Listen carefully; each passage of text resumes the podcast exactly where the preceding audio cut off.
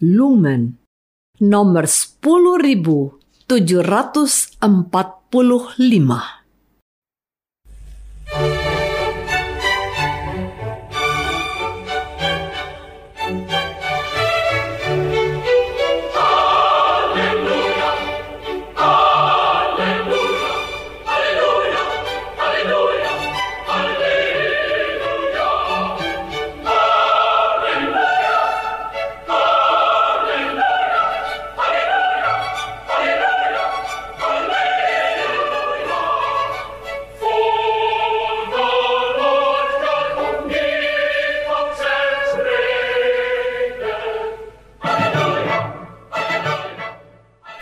Saudara pendengar di segenap penjuru tanah air, selamat bergabung dengan Lumen Indonesia. Lumen Indonesia siap melayani Anda setiap hari. Saudara terkasih, marilah kita bersatu dalam Tuhan kita Yesus Kristus yang tidak berubah dahulu, sekarang, dan selama-lamanya. Allah Sang Maha Rahim mengasihi dan menerima sebagaimana adanya kita Allah Bapa kita di surga senantiasa bersedia menolong, menghibur, dan meneguhkan kita dalam menghadapi segala permasalahan hidup sehari-hari.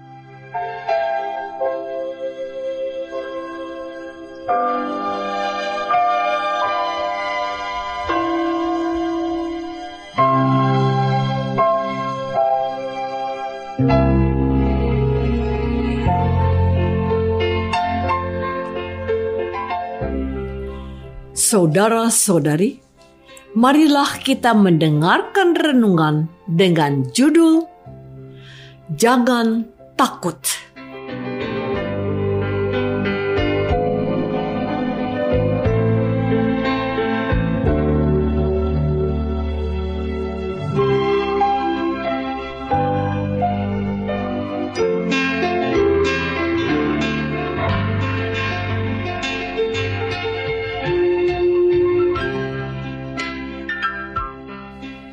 Yang berdasarkan pada Injil Markus bab 6 ayat 50b dan 51. Tetapi segera ia berkata kepada mereka, Tenanglah, aku ini, jangan takut. Lalu ia naik ke perahu mendapatkan mereka, dan angin pun redalah mereka sangat tercengang dan bingung.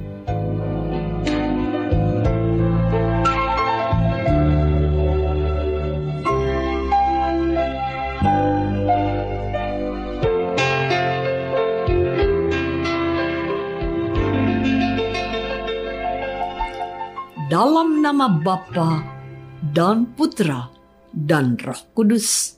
Amin. Saudara-saudari terkasih dalam nama Tuhan Yesus Kristus.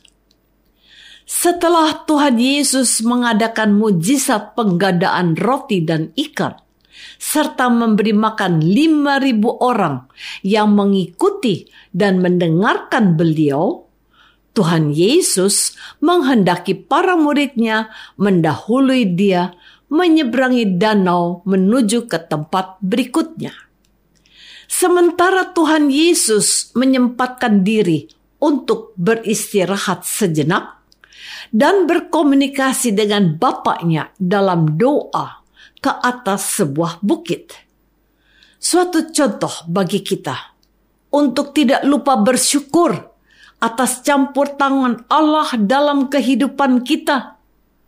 Dalam keheningan malam itu, sungguh berbeda apa yang dialami para murid dan Tuhan Yesus. Tuhan Yesus mengalami hadirat Allah, sementara para murid mengalami kegalauan dan ketakutan yang teramat sangat. Perahu yang mereka tumpangi terombang-ambing karena angin sakal atau badai. Tuhan Yesus mengetahui dan melihat semua yang sedang terjadi di tengah danau, dan ia menaruh kepedulian kepada para muridnya. Maka ia mendatangi mereka dengan berjalan di atas air danau itu. Saudara-saudari terkasih, namun kehadiran Tuhan Yesus bukannya memberi ketenangan kepada mereka, sebab mereka mengira ia itu hantu, lalu mereka menjadi sangat ketakutan. Dalam alam pikiran mereka, danau atau laut adalah tempat yang dihuni dan yang digiatkan oleh kuasa-kuasa setan dan tempat perhimpunan orang-orang mati. Maka Santo Markus mencatat bahwa ketika mereka melihat dia berjalan di atas air, mereka mengira bahwa dia adalah hantu. Lalu mereka berteriak-teriak sebab mereka semua melihat dia dan mereka sangat terkejut. Di tengah kepanikan mereka, lalu Tuhan Yesus bersabda, katanya, "Tenanglah, aku ini, jangan takut." Ketika Tuhan Yesus naik ke atas perahu mereka, angin sakal atau badai itu redah dan laut menjadi tenang penginjil mau mengatakan bahwa Tuhan Yesus adalah Allah yang berkuasa dan kuasa setan dan alam takluk kepadanya. Peristiwa penggadaan roti dan ikan tidak juga membuat para murid mengenali Yesus sebagai Allah yang berkuasa. Atas kejadian Yesus berjalan di atas air, dan meredahnya angin di danau itu membuat mereka sangat tercengang dan bingung. Para murid itu belum juga mengerti dan hati mereka tetap degil. Memang tidak mudah mengubah pola pikir orang-orang yang sudah mengakar. Tuhan mau mereka tahu bahwa Dia adalah anak Allah yang berkuasa.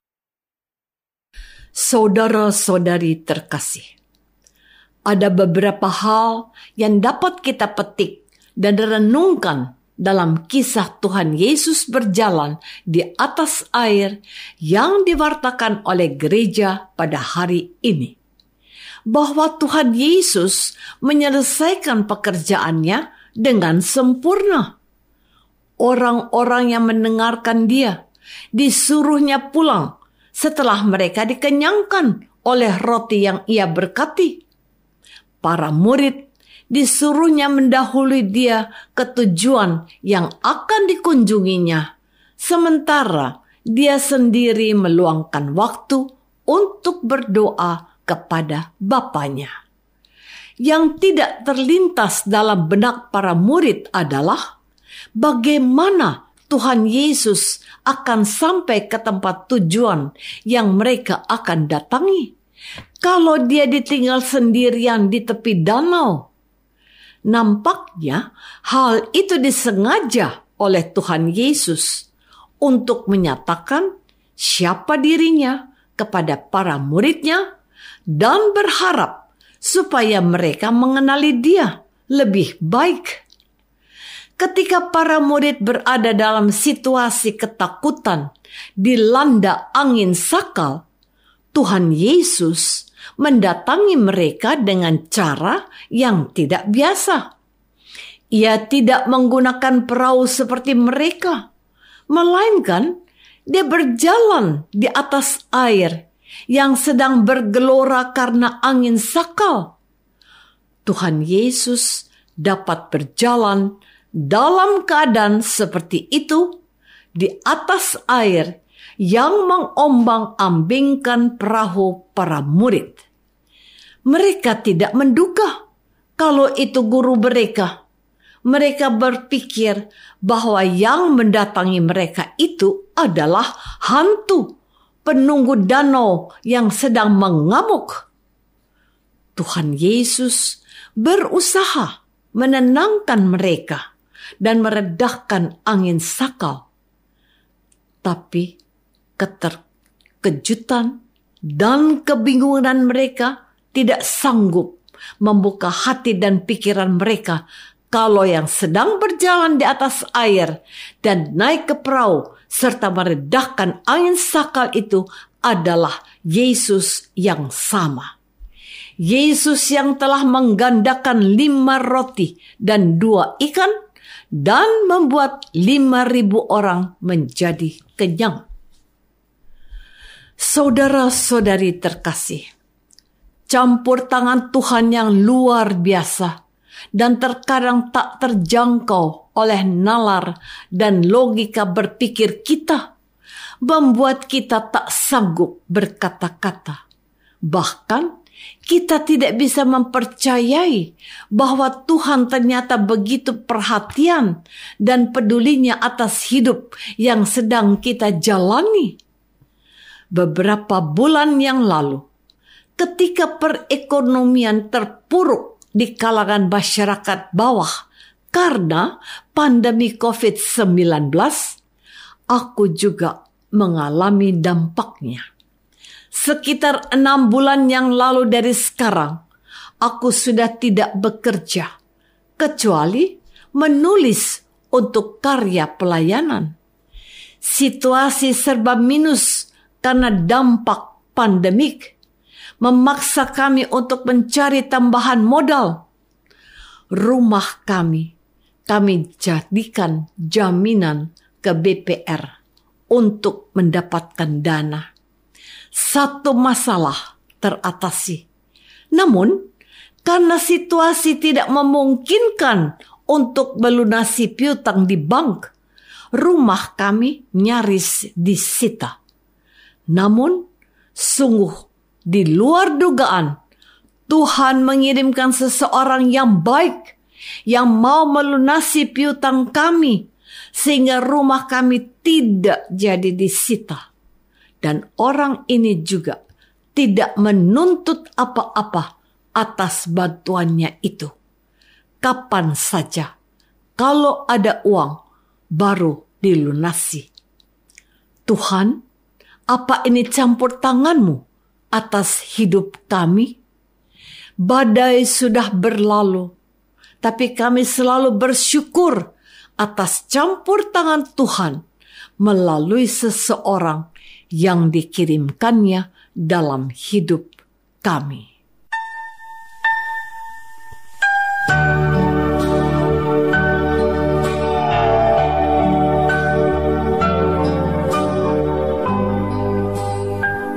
Saudara terkasih, marilah kita masuk dalam saat hening sejenak untuk meresapkan renungan yang baru saja kita dengar bersama dalam kehidupan iman kita masing-masing.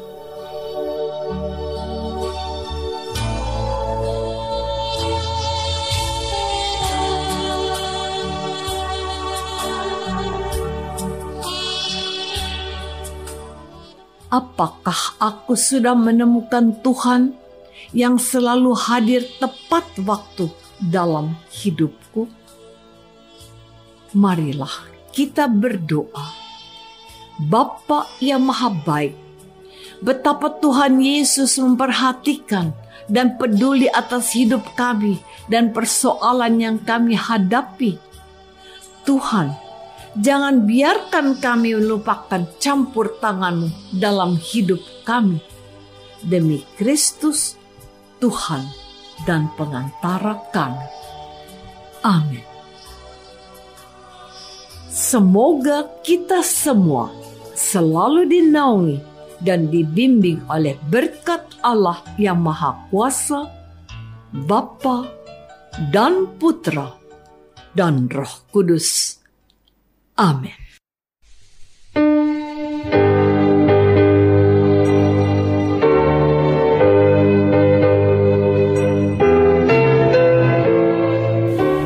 Dengan penuh kasih dan sukacita, Lumen Indonesia mengundang saudara-saudara seiman di segenap penjuru tanah air.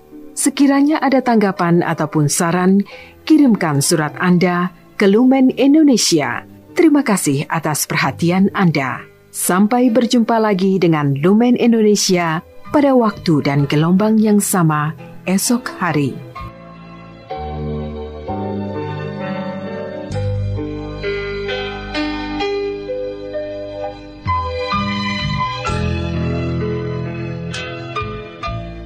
Kami pengurus Lumen Cahaya Indonesia mengucapkan Selamat Natal 2021 dan selamat tahun baru 2022. Tuhan memberkati kita semua.